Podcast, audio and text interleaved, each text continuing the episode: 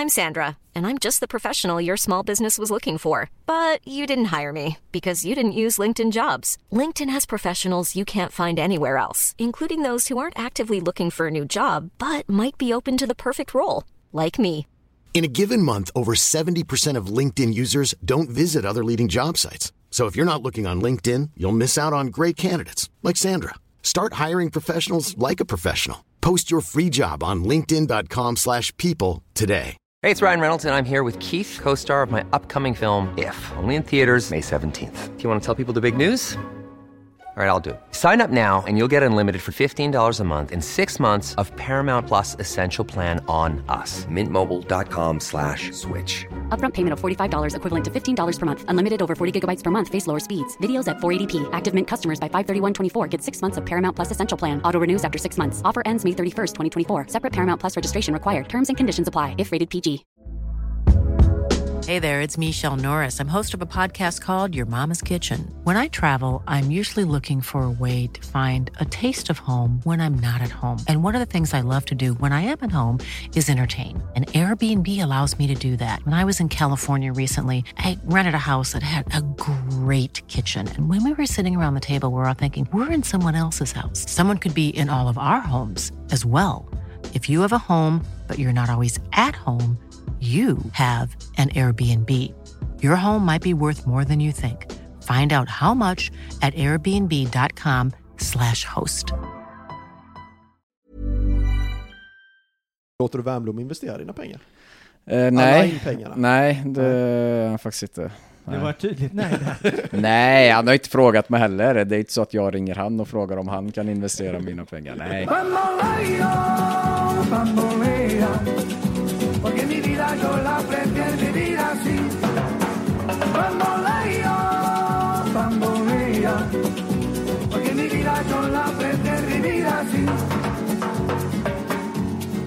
Hola Marbella. Dags för det sjätte avsnittet av Håla Marbella, GPs podd som följer BK Häckens och IFK Göteborgs träningsläger på den spanska solkusten. Vi som gör det är jag, Robert Laul och Linus Pettersson. Idag har vi den här poddsatsningens mest meriterade gäst, nämligen den 90-faldige landslagsmannen, målskytten från sex olika ligor. Ja, totalt har han gjort en bit över 200 mål i tävlingsmatcher. And still going strong. Marcus Berg, 35. Välkommen! Tack så jättemycket. Linus Pettersson, du ska snart få leverera din, ditt succésegment Träningsrapporten. Men först har vi kastat in en annan form av rapport här som vi ska stämma av med vår gäst Marcus Berg också, nämligen en träningsanläggningsjämförelse eller en träningslägerjämförelse mellan IFK Göteborg och BK Häcken. Ja, det har ju blivit en liten snackis här i dagarna och det har ju tillkommit nya uppgifter idag som faktiskt har förändrat vår betygssättning, så att eh, det här blir spännande. Spännande. Vi ska helt enkelt jämföra vilka som har det bäst på det här lägret, Marcus. IFK Göteborg eller Häcken? Vad tror du vi kommer komma fram till? Eh, jag hoppas på IFK Göteborg, men eh, jag vet inte om jag bryr mig så mycket om jag ska vara ärlig. Nej, men eh, då ska vi peppa upp intresset här, för det är ju faktiskt ganska viktiga saker ändå. Vi har fem punkter som sagt. Eh, planer, extremt viktigt. Kvaliteten på, på gräs. Eh, gym, eh, miljö och omgivning, var de här anläggningarna ligger. Hotellet, hur man bor och läget.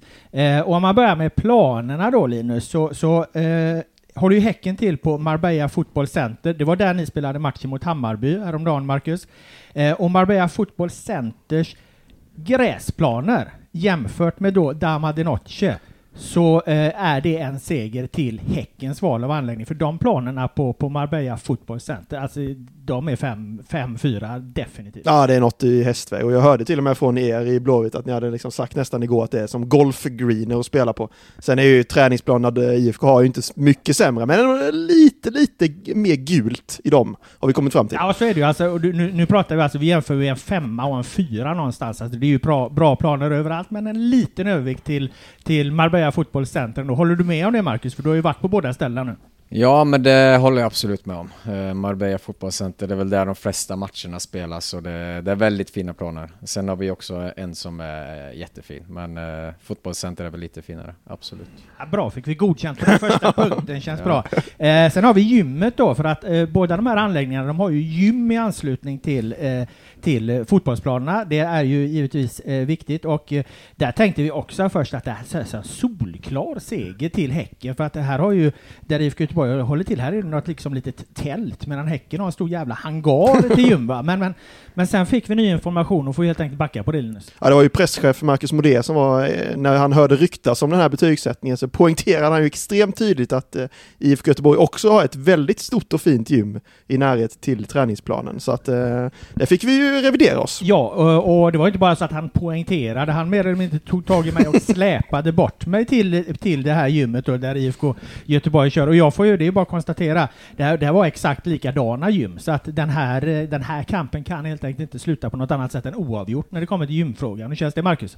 Det känns bra, jag med, håller med på den också. Det är klart, precis vid vår träningsplan så har vi ett lite mindre gym, ett litet tält, men eh, vi har ju tillgång till ett större gym också som är jättefint. Kryss där då. Tredje punkten, då, då snackar vi alltså vilken miljö eh, de här träningsplanerna eh, eh ligger i, alltså omgivningarna där och hur det ser ut. Och där är ju Marbella Football Center, det är ju ohyggligt vackert. Alltså det är omgivet av palmer och det är ett stort hus med en vippblå köksstupp där man kan sitta och kolla på träningar och matcher. De dukar upp eh, buffé när det, när det, när det vankas fotboll och eh, ja, det, det är fint som, som fan helt enkelt, eh, Linus. Ja, och du jämförde ju Blåvitts eh, miljö med en soptipp ja, det, var, det, var, det, var lite, det var lite hårt uttryckt ska jag säga, men det ligger lite mer avsides kan man, kan man säga, lite, lite mitt i ingenting. Det är inte samma liksom flärd över, över Dama di Noce. Ja, nu försöker du förklara det här. Ja, ja, ja, ja, men du tog mig utan att jag, jag citerades med bandspelaren på. Men, men vad jag ville få fram var att, var att eh, miljön där, där, där Häcken kör, den, det är faktiskt jävligt fint där. Men samtidigt finns det ett minus på det och det är att den här är ju, Häckens där är ju omgiven av en, en, en, en stenmur där de tränar. Den jävla stenmuren ligger liksom en meter från planen. Får du en, en, en hård tackling och in i den där stenmuren, då är det över. Sen. Ja, då är det kört sen ja. Mm. Men jag tror det lite mer har att göra med att den Marbella fotbollscenter är mer av en anläggning.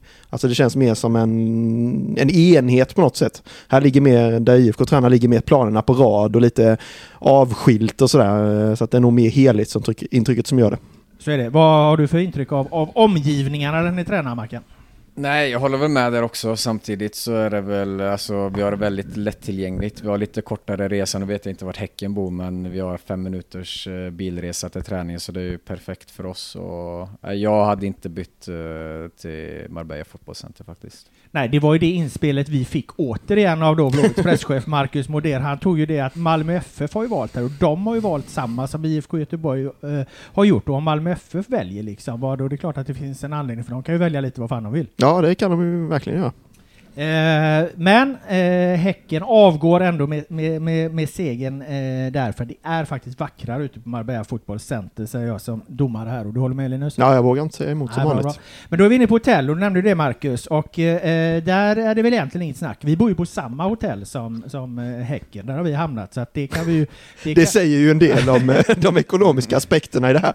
nej, men det, så det kan vi verkligen, det kan vi verkligen, det har vi granskat noggrant så att säga, men vi har varit en hel del på Blåvitts hotell. Vi är på Blåvitts hotell just nu när vi, när vi spelar in det här och det är ju inte, det går inte att konstatera annat att, att här Blåvitt bor bättre. Ja, det räckte inte vår budget till så det får vi ju enkelt konstatera att här, här går ju Blåvitt av med segern. Det är väldigt fint här. Ja, det är fräscht och, och, och, och det, det, känns som det är bra mat, det är hög klass på allting. Ja, det ser jävligt liksom exklusivt ut, en fin jävla ute, uteveranda och allting. Eller vad säger du Marcus? Ja, jag håller med. Nej, det, vi trivs jättebra här. Det, Ja, helt perfekt. Nära till stranden om man vill ta en promenad och som sagt nära till träningen också viktigt och slippa ödsla massa tid i bil fram och tillbaka. Så det, vi, vi trivs superbra här.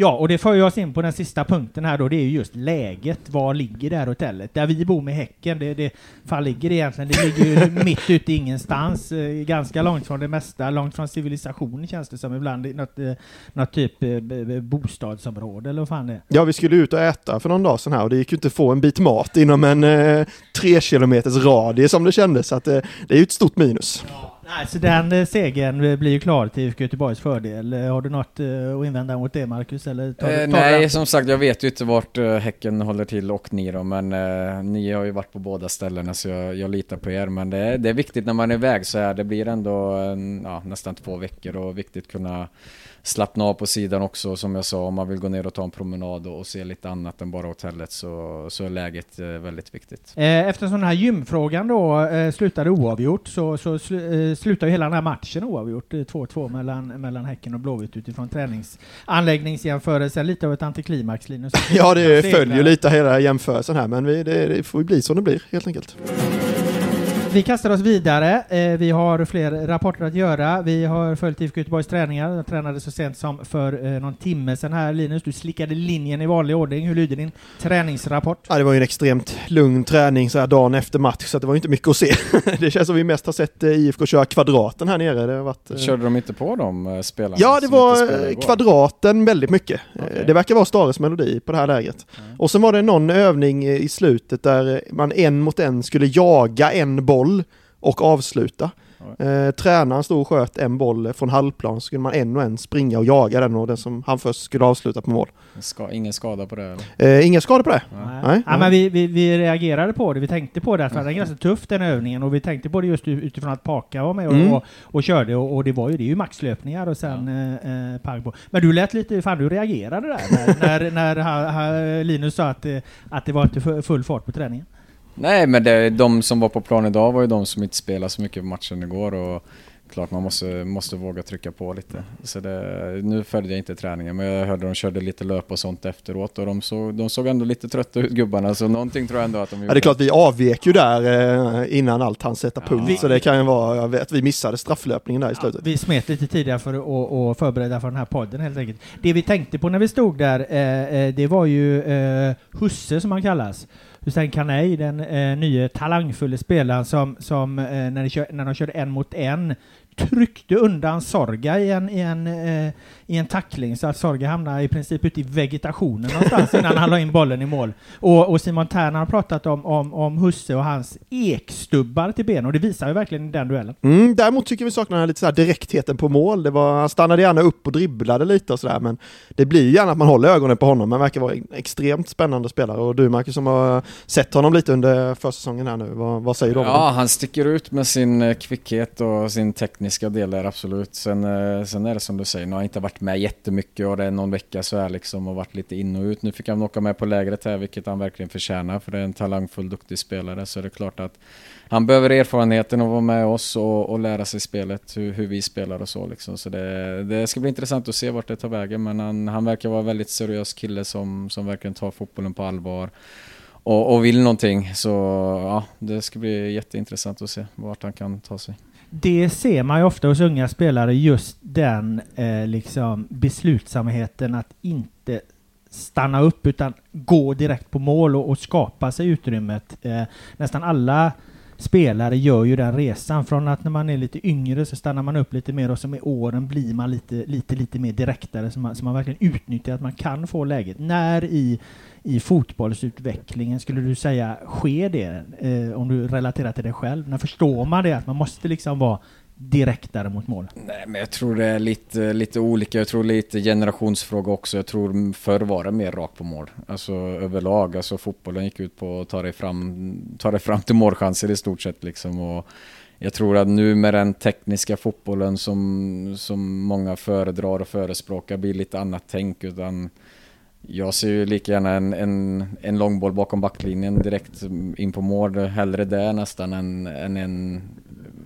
tio dribblingar på kanten och en cutback och ja, ta sig inåt och skjuta bort det liksom. Alltså det, det handlar, det är alltid fotboll liksom, men vad man föredrar eller så liksom, det är väl lite också vilken spelare man är och vilka kvaliteter man har. Det finns ju ett sånt exempel från Hammarby-matchen där som vi kan beröra. Det är ju när du går upp och nickar i djupled till eh, Oskar Willemsson. Eh, bollen kommer perfekt, eh, eh din nick där. Willemssons löpning är perfekt. Men han kommer inte till avslut för han går liksom inte in framför motståndaren och tar duellen och sen skapar sig eh, avslutet. Det är ju egentligen, det är egentligen bara den detaljen. Sen gör han det så sätter han ju chansen och då är skillnaden på, på, på komma till ett avslut och inte göra det. Nej men exakt, vi pratade lite om det, vi körde gym nu efter jag sa han får köra lite överkropp. Eh, Nej men han har ju verkligen snabbheten men samtidigt så behöver du inte alltid bara leva på den utan kan du ta en bra första touch och sen skydda bollen med din kropp så, så är du framför liksom. Då antingen får du en målchans eller kanske en straff i det här läget och en frilägesutvisning. Så det, det, är klart det är mycket sånt eh, man pratar om att ut, eh, utnyttja sin kropp. Han är stor och stark eh, och snabb men även utnyttja sin styrka lite mer där. Har du någon mer från träningen Linus som är värt att, att, att lyfta upp? Mm, nej men Kalle Johansson har ju anslutit till truppen. Han var ju den sista spelaren innan så nu är alla på plats. Förutom den där målvakten som vi då väntar på. Örjan Nyland tror vi ska ansluta här. Vi får väl lägga oss i buskarna antingen utanför hotellet eller om vi sätter dig på flygplatsen kanske och väntar på honom. Eller också kan vi göra om Marcus Berg har någon inside. Nej, tyvärr inte. Vi, det har varit mycket snack. Det är klart att eh, det ska väl in en målvakt och förhoppningsvis så snabbt som möjligt. Men det, det klubben jobbar på det och sen hur processen ligger till just nu har jag ingen aning om. Då lämnar vi den eh, träningsrapporten och går över till ett annat moment som vi kallar för similar player. Det är ju så här att eh, även vi journalister har ju tillgång till de här matchanalysverktygen där man kan ta fram statistik och så som många klubbar jobbar med. Vi använder oss av ett verktyg som heter Instat som mäter allt mellan himmel och eh, eh jord. Där kan man ta en spelare, till exempel Marcus Berg, eh, och se vilken, vilka andra spelare i fotbollsvärlden han liknar mest. Vi har gjort det här på, på våra andra gäster. Vi hade exempelvis Erik Friberg, mittfältare i Häcken då. Han var 99% Sebastian Larsson. Eh, sen hade vi Simon Tern, han ville vara eh, Pogba men blev typ jäkligt lik Danny Avdic som han inte alls var nöjd med. han var extremt missnöjd, eh, stackars Simon. Ja, så att nu har, har Linus satt ihop eh, en bra lista här utifrån det. Vi kan gissa, vem, vem, vem i Allsvenskan tror du du är lik? Ja, vem är Allsvenskan? Ja, det kan vara i världen också i och för sig. Eller, ja, vem i fotbollsvärlden? Uff, den är ju jättesvår ju. Herregud. Vem vill du vara lik då? Vem vill jag vara lik? Ja men eh, just nu kanske lite mer eh, Benzema, Benzema-hållet. Lite mer droppande och ja, vara med i spelet lite mer än när jag var lite yngre och kanske hade jag har aldrig levt på min snabbhet, men kanske lite rappare så är det i steget. Och kanske, det beror på också vem man spelar, men när jag spelade med Toivonen till exempel, då var jag den mer djupgående. Sen har jag blivit en mer eh, ja, uppspelspunkt och, och nu är Blåvitt en lite mer droppande. Eh, så det är lite olika i vilken fas man är i men eh, Nej men eh, jag gillar Benzema, hur han rör sig och spelar på planen. Men det är som sagt önsketänkande. Men det var väl spelare? Ja, ja, det, är, där, det är ju inte på Simon Tern-nivå, den här låga nivån som vi snackar, utan nu är vi, nu är vi rör oss liksom världsklassnamn här. Ja, men jag, vet inte, hur, ja, jag alltså. vet inte hur man jämför det där. Nej, det vet alltså. inte vi heller. Eh, eh, Johanna Rytting Kanneryd som vi hade, Kanneryd som var med senast, hon, hon var ju liksom inne på att det här kanske till och med personlighetsdrag som Instat ja, på något okay. sätt väger in, för det var ju Alltså, vi har ingen aning vad den här ekvationen eh, Nej, hur, exakt hur algoritmerna är vet jag fan, men, men den plockar Men den är rolig i alla fall. Ja, rolig. Vad har du? Mm. Eh, ja, men vi bygger upp det här lite, för detta är ju något extremt häftigt tycker jag, eh, om vi kopplar tillbaka senare till tidigare poddar sådär. Men Ola Toivonen säger du, mm. 88 procents likhet. Ja, okay. Så där är vi ju ändå inne, ja. ja. Eh, så det, är ju rätt, vi... det är ju rätt högt uh, med Ola där. Kände, mm. är, är ni lika som spelare, tycker du eller? Även om ni inte har exakt samma uppgifter på planen? Jo, men ändå ganska lika. Alltså, alltså hur vi tänker fotboll och så tror jag det är ganska mycket så här att spela på one, one, ett, två tillslag ofta och, och röra oss i försöker hitta rätt ytor. Som sagt, ingen av oss har väl någonsin levt på våran snabbhet eller teknik eller så liksom, utan vi är nog ganska allround båda två tror jag. Uh, vi jobbar oss lite uppåt. Uh, Alexander Jeremejeff, uh, 89 procent. Okej. Okay. Mm, BK Häcken där, det är ändå ja. någonting. Men! Sen har vi nummer ett. Per Fricadona, IF Elfsborg. Borås storeson som vi kallar honom. 91 procent, och det var ju intressant för det var även Alexander Jeremejeff ja. som hade nummer ett där på Ja, honom. Jeremejeff hade vi i podden och han var ju också lik, lik Fricadona då, Elfsborgs nummer 17 som de sjunger Nej, värmlänning va? Ja, det är De är inte ja. Eh, ute och cyklar. Nej, det, där har vi, där har vi nya Det är väl 90, det är väl 90 procent var där då. Ja. Ja, det kan det absolut vara. Eh, känner du till Per Frick som spelar? Har du någon bild av honom eller har du... Ja, hårt jobbande, ganska ful spelare om man får säga så på ett positivt sätt. Eh, Går in i dueller, jobbar stenhårt. Eh, Jag gillar han. Han, eh, han gör allt för laget. eh, Tar, jag ser att han har eh, bra löpningar för laget för att öppna ytor och sånt. Så jag tycker han är en duktig spelare. Du är nöjd analy- med- ja, men den här analysen är ju bättre. liksom. Ja, den, än Jeremejeff vart ju besviken Ja, över men- Frigadona, men jag menar, Ber- Berg har ju, du har ju sett hans storhet. Alltså, Ja, jag tycker också han är jävligt bra, Per Frick alltså. Nej, det, det är så. Jag, han ska ha cred, absolut. Han är, första, han är mest nöjd hittills av alla gäster vi har haft. Och ändå har du inte dratt de Nej, stora då- namnen än. Då, nu, Ja, det kommer det fler. ja, nu dundrar vi nu på kommer med de här. internationella namnen här. Nu har vi ju Radamel Falcao, Oh, denna ja. superanfallare. 85 procent. Och så Ja. blir det ännu bättre. Gonzalo Iguain, 84 procent. Det var han jag tänkte på. Där har du ju en, en, en, en tung jämförelse med Iguain där. Vad, vad tänker du om den? Ja, Jag var dålig och följt han. eh, I Real Madrid var han väl ganska bra, het va? Sen vart han varit mer. Jag har inte faktiskt sett han så mycket om jag ska vara helt ärlig. Jag har svårt att analysera han. Men det, det är en jämförelse du kan eh, bära med, med eh, rak rygg helt enkelt. Ja, men då... Eller hur Linus? Ja, det skulle jag säga. Så här stora namn har vi inte, har vi inte rört oss i, i de kretsarna tidigare. Så att. Har har vi några mindre som är roliga att nämna också? Eh, nej, jag, har, jag, jag, jag fastnade där. Jag blev lite starstruck och eh, gick vidare sen. Ja, kul verktyg är det. Det är ju sånt som klubbarna kan använda liksom, en har försvunnit, kan man titta liksom, finns det någon som, Ja. som liknar? Sen får man ju kanske eh, fördjupa scoutingen lite mer och inte bara lita på tekniken. Men, men Nej, det är väldigt mycket stats och sånt i dagens fotboll. Jag vet inte, jag är lite old school där också. Alltså det... Du ger inte mycket för den eller? Nej, det är intressant så, men det, det, jag tycker det blir väldigt mycket sådär. XG och sånt, det, det, det, det skiter du.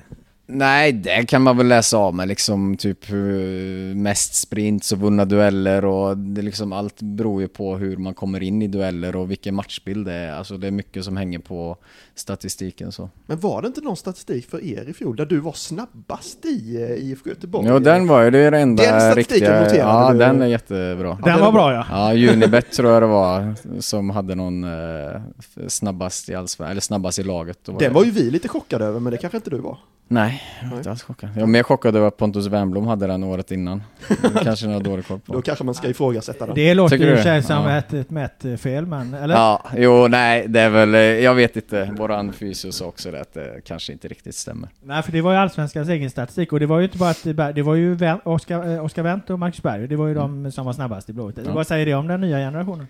Ja, de får träna mer. Bra, ord och inga visor. eh, vi lämnar det, eh, den delen och eh, Gå vidare och titta lite mer på, på, din, eh, på dig Marcus, din personliga karak- eh, karriär så att säga.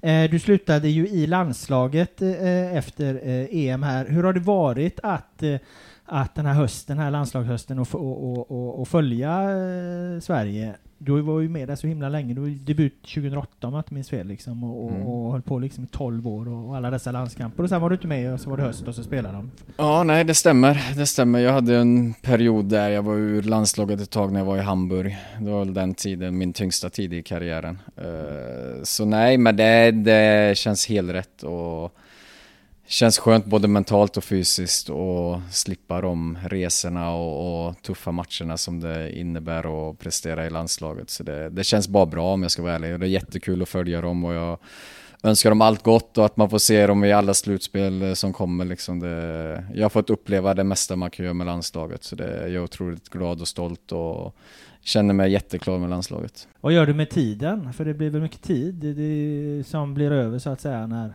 Det går ju mycket tid åt till, under uppehållen och resor och allt så. Ja, nej, men det är väl alltså att ta hand om kroppen lite mer, men sen framförallt eh, tiden med familjen som man eh, ja, har gått miste om. Liksom. Den tiden kommer ju inte tillbaks, men den får man ändå vara med på nu liksom. Och kunna hämta och lämna barnen i skolan och vara med dem på aktiviteter. Det är väl eh, mycket sånt också som spelar in att man, man får spendera den tiden med dem istället för att resa iväg i 10-12 dagar som det är flera gånger per år med landslaget. Om vi backar eh, ytterligare lite grann då i din eh, karriär, så ditt sista liksom stora utlandsproffsäventyr, eh, det var ju i, i Krasnodar. Och då tänker jag att det är ett ställe där det måste liksom hänt en del eh, annorlunda saker och så. Så jag alla fall eh, bilden man kan ha utifrån när, när, när ni spelar iväg på, på sådana eh, såna proffsuppdrag helt enkelt. Har du någon eh, anekdot? Händer det något kul där som du kan bjuda på?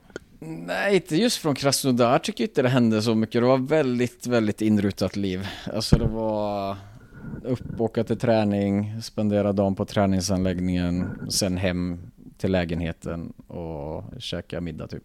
Alltså det var väldigt inrutat. Jag tror inte jag har sett någonting av Krasnodar stan egentligen. Alltså det var Ikea någon gång och ett shoppingcenter i stort sett. Men du var ändå där, du var ändå där ett, ett, ett par år ju. Ja, två år blev det ju.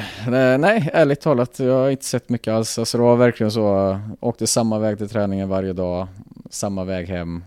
Det var that's it liksom. Varför var det så då? Var det klubben som... Nej men det var väldigt mycket tid på träningsanläggning och sånt. Sen bodde vi liksom i ett vad som en gated community typ med, och där vi alla svenskar bodde också. Så vi hängde liksom tillsammans med dem och gjorde middagar och ja, det var typ det vi gjorde. Gick på tre, fyra olika restauranger någon gång så liksom. Men det var väldigt speciellt var det. Uh, ja.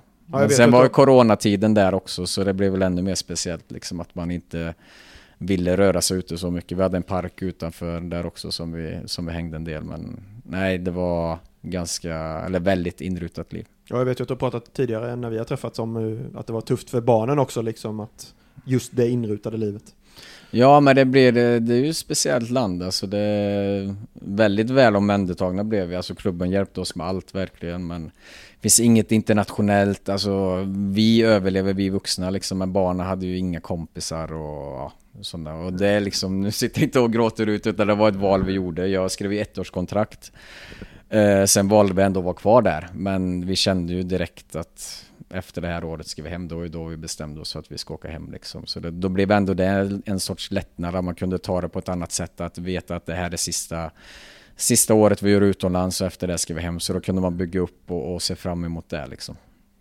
Hade Andreas Granqvist någonting med den övergången att göra till Krasnodar? Jag har för mig att det har nämnts i något sammanhang. Ja, han pratade väl med klubben. De ville väl ha info om mig och så. Sen var ju Viktor och Kristoffer där också. Eh, så de hade väl ganska bra info om mig. Eh, men Granen var med. Han, han ville ha cred för den övergången, säger han. Ger du honom det då? Nej, men det är klart. Jag pratade med han också. Jag kommer ihåg, jag träffade dem i Köpenhamn. Eh, deras sportchef, om man säger Sen ringde jag Granqvist på vägen hem och pratade med honom också liksom, för det, det, var väl inte i mina tankar egentligen att jag skulle åka till Ryssland och spela fotboll där. Och det var också väldigt stor tvekan även när vi var på plats och, och skulle skriva på att eh, vi visste om att det skulle bli tufft. Eh, men sen fick vi bara bestämma oss att nu gör vi det här, det är ett år, eh, vi kör all in, förhoppningsvis blir det bra år fotbollsmässigt för mig att eh, det är inför ett EM. Vi hade chans att spela Champions League som vi tyvärr misslyckades med. Uh, sen kom coronan och då blev det efter säsongen som var ändå en helt okej okay säsong för mig och, och klubben. Uh, blev det snack om en förlängning och då var det egentligen samma visa där att det är verkligen sista. Vi kommer inte flytta utomlands någon mer gång. Ska vi åka hem eller ska vi stanna kvar? Vi hade bra lag, uh, återigen chans på Champions League. Uh, signa nytt, kvala in till Champions League. Då var det klart. Då, var man, då hade man varit med om allt. Då hade man fått gjort allt liksom i fotbollskarriären. Så det var återigen ett perfekt avslut. Inrutat liv där, lite isolerat pratade du om. Jag kan tänka mig att det var tvärtom i, i Grekland då, i Panathinaikos eller? Det är ju i alla fall den bilden man återigen har utifrån då, att Grekland kan hända lite vad fan som helst runt fotbollen. Ja, runt fotbollen händer det ju väldigt mycket grejer. Uh, Berätta. Nej, men det var ju alltså derbyna där är ju väldigt speciella. Det är ju liksom väldigt mycket hat. Alltså otroligt mycket hat och det, kom ihåg, vi fick någon ny coach där om det var näst sista året. Eh, en italienare, det skulle vara hans första match. Vi ska möta Olympiakos hemma. Och våra fans gillar inte Olympiakos jättemycket. Deras president går ut mot våra fans innan matchen, liksom går bakom mål och liksom provocerar egentligen. Alltså det blir, eh, han ska inte vara där ute liksom. Han vet ju att går jag där så kan det hända saker liksom. Och våra fans går i bananas och börjar... Ja, de skjuter in nödraketer och raketer mot spelarna och sånt liksom. Så matchen ja, avbryts ju innan den ens är igång liksom. Så det är väl, det är väl en sån sak som som hände om man visste, alltså det var ju flera matcher som blev avbrutna innan de ens hade börjat liksom. Eh, så det var ganska påfrestande för ja, för spelare liksom att man, som jag som ville ha min landslagsplats och ville prestera bra fotboll liksom att eh, det blev tufft att vara i en sån miljö för man jag älskar att spela för Panathinaikos och i Grekland för jag älskar den passionen de har. Men just att det kan bli sådana grejer liksom att också så här, om man ligger man på ett visst antal gula kort så vet man att ja, Marcus du kommer få gult kort idag för du ska inte spela nästa match mot dem liksom. Det, man vet att det kommer hända liksom. Vadå? Eh, en gång till i sista där. Nej men det var till exempel inför det, vi har, i Grekland är det playoff. Och då är det, har du sex gula eller är det sju gula så blir du avstängd nästa match. Eh, och två, då tror jag det var två matcher efter så många varningar. Och då kommer liksom tränaren in och bara du kommer få gult kort bara, alltså bara du kollar på domaren kommer få gult kort. De vill inte att du ska spela playoff-matcherna liksom. Alltså ligan. För de, ja, jag var väl en av de bättre spelarna där liksom. Så då, eh, efter liksom en minut kommer ett inlägg, jag försöker brösta in den. Gult kort, hans. Alltså då vill jag gå av plan liksom. Men, men det är ju uppgjort ju. Ja, men jag gick ut till tränaren och bytte ut mig, jag kommer inte spela. Men är det liksom allmänt vedertaget där nere, att det funkar? Ja, alltså det är ju, sen är det väl klart att de kanske mindre lagen eller vad man säger påpekar det väldigt mycket, men det är saker som händer som man blir så där bara nej, det här, det kan inte hända. Det, är liksom, det måste ju finnas något system som kan få bort det här liksom, det går, det är väldigt svårt. Alltså, väldigt mycket uppgjort. Det var en fantastisk tid, alltså jag älskar som jag sa att spela för den klubben och bo i det landet. Alltså familjen trivdes otroligt bra så det det var väl det som gjorde att man ville fortsätta liksom, men samtidigt var det ofta efter nästan varje säsong liksom att man mådde mentalt dåligt liksom, vad ska det vara så här? Och man hade förhoppning om att det skulle förbättras liksom, men det, jag tror till och med det var någon svensk domarchef där nere något år för att försöka få bukt liksom med domarna också så att inte de skulle, ja, att det inte skulle vara för tydligt vad de ville liksom utan försöka få bukt på det men det, det gick inte liksom. Men gjorde man upp resultat också eh, på ja, så? På ett eller annat sätt liksom, eh, på vilken nivå det var vet jag inte men det kunde vara matcher ibland där spelare sitter och säger ja den här matchen kommer stå 3-0 i halvtid liksom. Och så gjorde du det? Ja. Har du något exempel på vilken match det var? Nej, det var när vi satt och kollade på tv. Det kan ha varit andra ligan också, jag vet inte. Eh, men det liksom var sådana grejer liksom som man bara, vad fan är det som händer? Så till och med ni hade koll på liksom andra spelare i ert lag, hade ja. koll på andra Ja, men det är ju spelare som har varit i mindre lag som Ja. berättar hur det funkar och sånt också liksom. Så det var... Det är sånt man inte vill och tror att det ska hända liksom, men det, det händer. Det är väl samma i Sverige, det är väl uppgjorda matcher här med som det står Ja. om i media liksom. Jo, jo, det, för, det förekommer kan tänka dig i ett sånt land då som där det inte är så uppstyrt liksom, ja, vad som, vad som kan ske bakom stängda dörrar där liksom. Du var också inblandad i något bråk där va? Och fick eh, en jäkla massa matchers avstängning om jag minns rätt. Ja, men det var mot ett annat lag som var väldigt, eh, ja, också en stor hatmatch mot PAOK eh, från Thessaloniki. Och det var också så, prov, provocera varandra. De visste att jag var, jag var ganska hetsig på den tiden också. Jag, det hände grejer som man kanske inte hade gjort eh, annars liksom, men det var, det var otroligt mycket alltså, mental prövning liksom, att man fick vara med om grejer och ibland tappar man det och det är bara att be om ursäkt. Jag gick säkert över gränsen liksom, och det blev nästan slagsmål liksom. Och, ja, man vet om det innan att de kommer vara på mig, de kommer provocera, de kommer göra allt liksom och det är knytnävsslag liksom från mittbackarna vart man än går liksom. Så det, det var ju ett eller två år i, i Förenade Arabemiraten där också, i, i Al Ain där. Eh, och då tänker jag eh, lite så här, är det, eh, var det, för det, det, det kan ju inte varit ett sportsligt val på samma sätt. Är det liksom, eh, man har kommit, kommit till den nivån i karriären då man liksom vill maximera det ekonomiska utfallet av vad fotbollen kan ta en? Jo, men det är klart att det ekonomiskt, eh, ekonomiska spelar väldigt stor roll. Alltså i den sitsen jag var, jag var, vad var jag när gick dit? 30, 30 plus. Och fick en sån chans att tjäna de pengarna, det är klart att det, det är klart att det var svårt att tacka nej till det. Eh, sen samtidigt så gick jag inte till ett bottenlag eh, mitt i Dubai liksom, utan jag bodde faktiskt mitt ute i öknen. I ett lag som eh, spelar Champions, asiatiska Champions League som hade, jag tror jag var säkert, om det var 9-10 landslagsspelare från Förenade Arabemiraten. Bra seriösa tränare, alltså så det var ju en, en seriös klubb liksom. Eh, så det är klart att jag ville behålla min fotbolls, fotbollsstatus om man säger och jag höll platsen i landslaget och, och spelade VM också när jag var där. Så det, absolut så är det skillnad på liga och så men just det ekonomiska är klart att det, det var en stor orsak till att vi drog dit. Eh, du, du har inte slutat än på långa vägar, men jag antar att du ändå har liksom lite tankar på livet efter fotbollskarriären och så. Vad, vad, Eh, har du några så här, projekt, liksom, investerar du i, i saker? Vi såg Wernbloom här intervjuad nu, han har ju blivit någon form av aff- affärsman här nu när, när han slutar. Liksom. Och även gått en kurs så att han ska bli så här, kunna vara styrelseordförande, vilket man eh, absolut kan se honom som. ja, kan du det? Jo, det kan jag.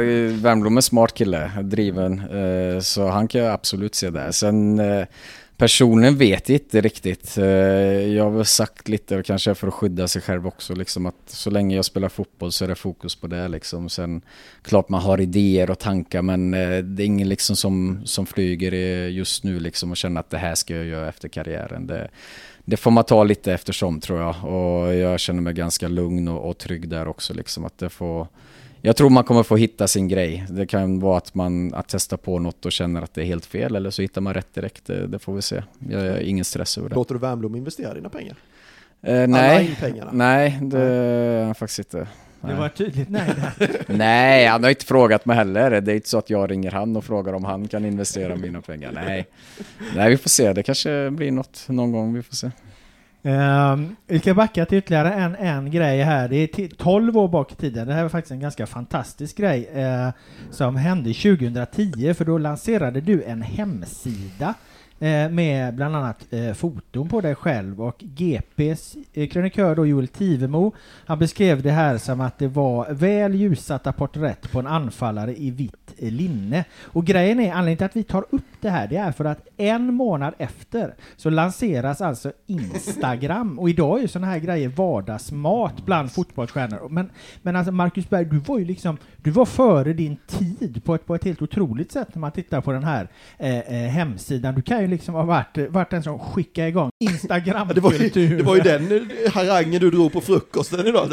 Utan Marcus Berg så hade vi inte haft Instagram. Ja, det var det- är det så? nivån du Ja. körde. Jag vet inte, men Instagram kom ju en månad efter du, din, din eh, fantastiska Jag vet hemsida. inte om jag ska ta någon cred för den. Sen blev det heller ingen grej som jag var jätteinvolverad i om man ska vara lite seriös nu. Utan det var, det var ett par killar som, eh, som föreslog det där. Det var efter U21-EM eh, som vi började diskutera att de ville erbjuda mig saker och att det, var ett bra skyltfönster. Det kom faktiskt på tal det där häromdagen liksom och vi googlade upp de bilderna och skrattade lite gött för det. Jag vet inte, jag är inte jättenöjd med dem idag om man säger så. Och det var väl inte riktigt min idé heller. Eh, och det blev aldrig någonting av det. Tanken var väl att det skulle bli lite mer... Alltså man kunde skapa någon grej på sidan av liksom fotbollen sådär. Men eh, jag var inte så intresserad av det heller. Och det var väl en mix där eh, av mycket grejer som inte blev bra. Men, men grejen var att på den, i den tiden, alltså 2010, då, var ju, då fanns ju inte det här på samma sätt som idag. Idag har ju alla, alla, många stora fotbollsspelare lägger liksom ut väldigt avancerat bildmaterial på sig själva, både på dam och herrsidan. Liksom. Är det inte så Linus? Att Jo, men det har väl blivit att man mer ska bygga sitt eget varumärke på ett helt annat sätt. Eh, Så att där var ju Marcus absolut före sin tid. Det var väl det som var tanken och sen också i Tyskland var det väldigt många som hade sådana egna hemsidor och sånt. Men som jag sa, jag var inte så delaktig kanske i som, som man borde vara om man ska försöka få det att flyga liksom. Eh, Så nej, det är någonting som eh, ja, ligger i ryggsäcken men det är inget jag gärna plockar fram. Sorgen är ju att den verkar vara borttagen hemsidan, det är ju ytterst tragiskt. Eh, Som tur är finns den ju bildbevarad, men, Bilderna Ja, finns kvar. bilderna finns kvar. Ja. men hemsidan finns inte kvar verkar det som. Nej, den är inte kvar. Nej, det, det har du sett till, eller? Kan man säga. Investerat lite där. men vilket sammanhang var det det kom upp i då? Var det här på lägret eller som det dök upp? Nej, jag vet inte vad det var. Om det var vi var hemma häromdagen. Jag vet inte om Gustav Svensson och hans fru var hemma hos oss. Och hon hade aldrig sett dem så hon fick sig ett gott skratt. Uh, nej, man har fått lite Det går att komma åt den då alltså? Nej, just bilderna. Ja, nej, bilderna var det. Man kunde ladda ner bakgrundsbilder till mobilen och grejer. Från din hemsida. Ja, det stod det. Så man kunde ladda ner dig och så ha som bakgrund Ja, mobilen. exakt. Verkligen- Kostar säkert någon krona, jag har ingen aning. Jag, jag har inte sett de pengarna i alla fall. Det kanske inte var någon Nej, du har som inte gått laddade plus ner. på den här Nej, nej, kan man inte säga. Nej, nej. Apropå Gustav Svensson som nämnde där att han var, var, var, var, var över hos det där, hade vi faktiskt med en punkt här, för vi noterar ju vi som följer lägret att, att du och Mattias Bjärsmyr och Gustav Svensson och, och, och Oskar Wendt, ni, ni, ni är mycket tillsammans här. Ni till och med liksom, när ni tränar extra så gör ni det tillsammans, ni är på gymmet tillsammans och ni är goda vänner och så. Vi har ju noterat att du och Gustav bor väl liksom i princip grannar också, så att eh, fan Ja. får du inte nog av Gustav, tänker jag. Jo, han har följt efter mig nu ett tag. Uh, nej, jag är en jättefin kille. Vi trivs jättebra tillsammans och även hans familj är goda vänner. Så det, nej, vi, vi trivs jättebra. Nu bor vi också nära varandra och kan ha en, en, en, ja, en vardag ihop liksom. Och, så det, vi lever ju hyfsat samma liv liksom, så det, det är jättekul. Att Sen, så. sen när, vi- när, när nyheterna kom ut om att ni skulle flytta hem, då noterade vi att, eh, att eh, Gustavs hus, det kostar bara hälften av ditt. Det är skillnad på folk folk eller?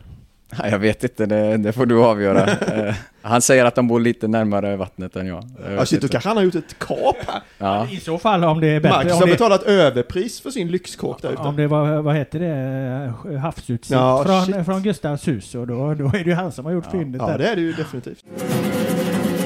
Men det är så att ni hänger mycket och ni är fortfarande ett tajt gäng, ni, ni liksom veteraner som vi kallar det. Ja, absolut. Och speciellt när vi är ute så här eller på, på KG också, våran träningsanläggning. Det är klart att vi hänger mycket. Och vi har ja, växt upp eh, ihop tänkte jag säga. Vi, vi slog ju igenom samtidigt liksom och sen har vi varit utomlands allihopa i många år liksom och inte haft den chansen att umgås så mycket som man ha, hade önskat och velat. Så det är klart att eh, vi passar på när chansen ges sen i vardagen. Så jag menar vi har våra familjer så, och vardagen rullar på. Så det, vi, det är klart vi vill umgås så mycket det går så länge, så länge chansen ges. Liksom. Vi har snart suttit här i en eh, halvlek. Vi har egentligen bara en punkt kvar på vårt eh, eh, program, eh, Linus, och det är ju att titta lite ändå på matchen som IFK Göteborg har, har eh, eh, spelat här. Vi har redan eh, tagit lite direkt efteråt där Hammarby eh, 0-2, den första matchen på IFK Göteborgs eh, träningsläger. Astrid Selmani, eh, frispråkig Hammarby-anfallare, sa efteråt att eh, Bayern var klasser bättre. Eh, hur bemöter du det, Marcus? Eh, nej, ungefär som de flesta kommentarerna som den generationen ger liksom att eh, jag vet inte, jag tycker absolut inte att de kör över oss. Andra halvlek absolut så, så kommer inte vi upp liksom i den nivån vi ska eh, om, man, om man syftar på den då. Sen är det inte så att de har jättemånga megachanser liksom. De, gör- de gör ett straffmål som är en straff som jag vet inte om det ska vara straff. Ett frisparksmål som är offside. Eh, sen har inte de jättemycket klara lägen. Eh, vi har väl heller inte jättemånga Simons i början där som vi har. Willem som kommer igenom någon gång. Eh, sen har vi några inspel också som, som inte riktigt sitter. Så jag tycker absolut inte det är någon klasskillnad där. Eh, så det är väl det jag kan kommentera på det. Vad gör du för analys av uh, matchen Linus? Jag såg du skrev ju en, en, dina fem punkter efteråt där. Ja, nej, men jag tycker väl om man ska ta det i korta drag försvarsmässigt kändes det som ett litet steg framåt jämfört med Nordsjälland-matchen och sen är det fortfarande lite problem med offensiven eh, och omställningar, lite slarvigt och lite passningar som inte riktigt sitter och sådär men det är tidigt, det är tidigt och det är väl eh, så det ska se ut på en Det är väl just det som blir, alltså när de vinner med 2-0 och vi inte sätter, visst jag säger inte att vi inte kommer till chanser på grund av det, men alltså det är alldeles för mycket enkla bolltapp. Jag har flera stycken, Hossam har flera stycken. Som inte händer normalt sett. Och jag menar, kan vi få de kontringslägen och kanske komma till någon chans av de fyra, fem gångerna vi verkligen hade den chansen, då, då ser det helt annorlunda ut liksom. Det, sen förlorar vi matchen, de vinner, det är inte mycket att säga om det liksom, men jag drar absolut inga liksom så är någon panik eller över att vi inte gör mål eller att vi släpper in mål utan det, det kommer 100% det är bara för oss att jobba på och som du sa hitta våran, hitta våran grej Framförallt den defensiven som vi hade i slutet av förra året, få en grundtrygghet där. Sen har vi omställningslägen och även i speluppbyggnaden kan vi absolut göra mycket bättre. Eh, men jag tycker även där har vi en del inslag eh, av när vi gör det bra liksom. Jag är egentligen eh, principiellt emot att analysera eh, träningsmatcher för jag tycker att det, det det- träningsmatcher är ju egentligen något annat. Det handlar ju om att, att, att, komma i matchtempo i första hand. Liksom. Det är ju varken resultat egentligen eller, eller att spelet exakt ska sitta så som det ska vara. Så att just analysen. Det enda jag egentligen liksom har reagerat under allt det här, och det tog jag också upp lite med dig då, men det var ju direkt efter matchen, så man tar det lite mer nedtonat här nu. Det är ju liksom, det är ju den, den eh, retorik som ändå finns från, från, eh, ja, men från Fanerud, som jag nämnde där med hans uttalande, att man vill, att man inte vill vara underdoggen. För, för jag menar, som jag har lärt känna liksom idrotten och så, så är det bra någonstans att vara, vara underdog och snacka efter man har levererat. Och så jag upplever ändå liksom, Berga, Berga, att du är också den skolan liksom, att man, man, man liksom levererar först, snackar sen liksom. Jo men absolut är det så. Sen samtidigt, jag menar om, om man tar det som Pontus pratade om att vi har en stark trupp och sen jämföra varenda trupp individuellt, det kan man inte göra liksom. Men jag tycker Malmö i Allsvenskan har, har eh, byggt upp en trupp eh, ja, normalt. Alltså jag menar de har, jag vet inte hur många Champions League-säsonger de har bakom sig så det är normalt att de ligger där de ligger. Sen bakom där kan inte jag heller se många lag som egentligen är alltså mycket bättre än oss. Alltså det, det ska jag vara ärlig och säga. Sen gäller det att få ihop det, precis som om man pratar om landslaget, vi gick till kvartsfinal i VM, eh, Ola Toivonen satt på bänken i Toulouse, jag spelade i alla in, alltså vi gick till kvartsfinal i VM. Alltså det handlar om laget, vad vi gör, inte, inte vilka spelare vi har, utan vad vi gör tillsammans. Det kan du se allsvenskan med. Förlora två matcher mot Varberg, de är inte bättre spelare än oss. Det kan ingen säga. Men de gör, som lag så gjorde de det bättre de matcherna och alltså förtjäna att vinna mot oss. Vi gjorde inga bra matcher. Då spelar det ingen roll vilka spelare vi står upp på plan och vad vi har gjort innan, utan vi måste göra det tillsammans. Det är det det handlar om. Och det är där vi försöker trycka på verkligen att vi ska fortsätta på den vägen som vi hade i slutet av förra säsongen. Att uh, om vi ska vinna matcher måste vi göra det tillsammans. Det är inte en, en individuell spelare som kan avgöra matcher för oss, utan det, vi måste göra allting tillsammans och få den tryggheten tillsammans på. Ska vi släppa iväg Marcus, Linus, eller har du något mer innan, eh, vad jag förstår så är det är lunch, lunchtime här? Ja, nej, en, en bara snabb check på ditt knä. Jag vet ju att du hade lite problem i fjol och jag har sett dig tejpad i år också. Hur Ja, är jag hade hoppats på att slippa tejpen. Eh, tanken var att göra det nu när vi kom hit. Sen mot Nordsjälland så fick jag lite, eh, ett litet motlägg igen. Så att det, det är sådana små grejer. Det slås upp ganska ofta. Så det, det är svårt att göra någonting åt det. Liksom, så, så länge jag spelar fotboll tror jag att det kommer liksom vara som det är. Det är, liksom ing, det är, det är ingen större grej. Utan det, det är mer trygghet nu att ha den tejpen så att det inte ska ja, bli värre. Bra, då tackar vi dig Marcus för att du var med i våran podd. Jag hoppas, du att, hoppas att du får en fin fortsättning på lägret. Hoppas att du får en bra säsong med IFK Göteborg. Tack så mycket Linus för, att, eh, för din eh, insats. För att jag var här. ja, för att du var med. Som du alltid är, och som du kommer vara i fortsättningen också. Det blir ju nya avsnitt av Håla Marbella-podden med nya gäster här vad det lider. Tack så mycket för att ni lyssnar. Håla Marbella! Hola Marbella. Hola Marbella. Ha det. Bamboleo, bambolea, porque mi vida yo la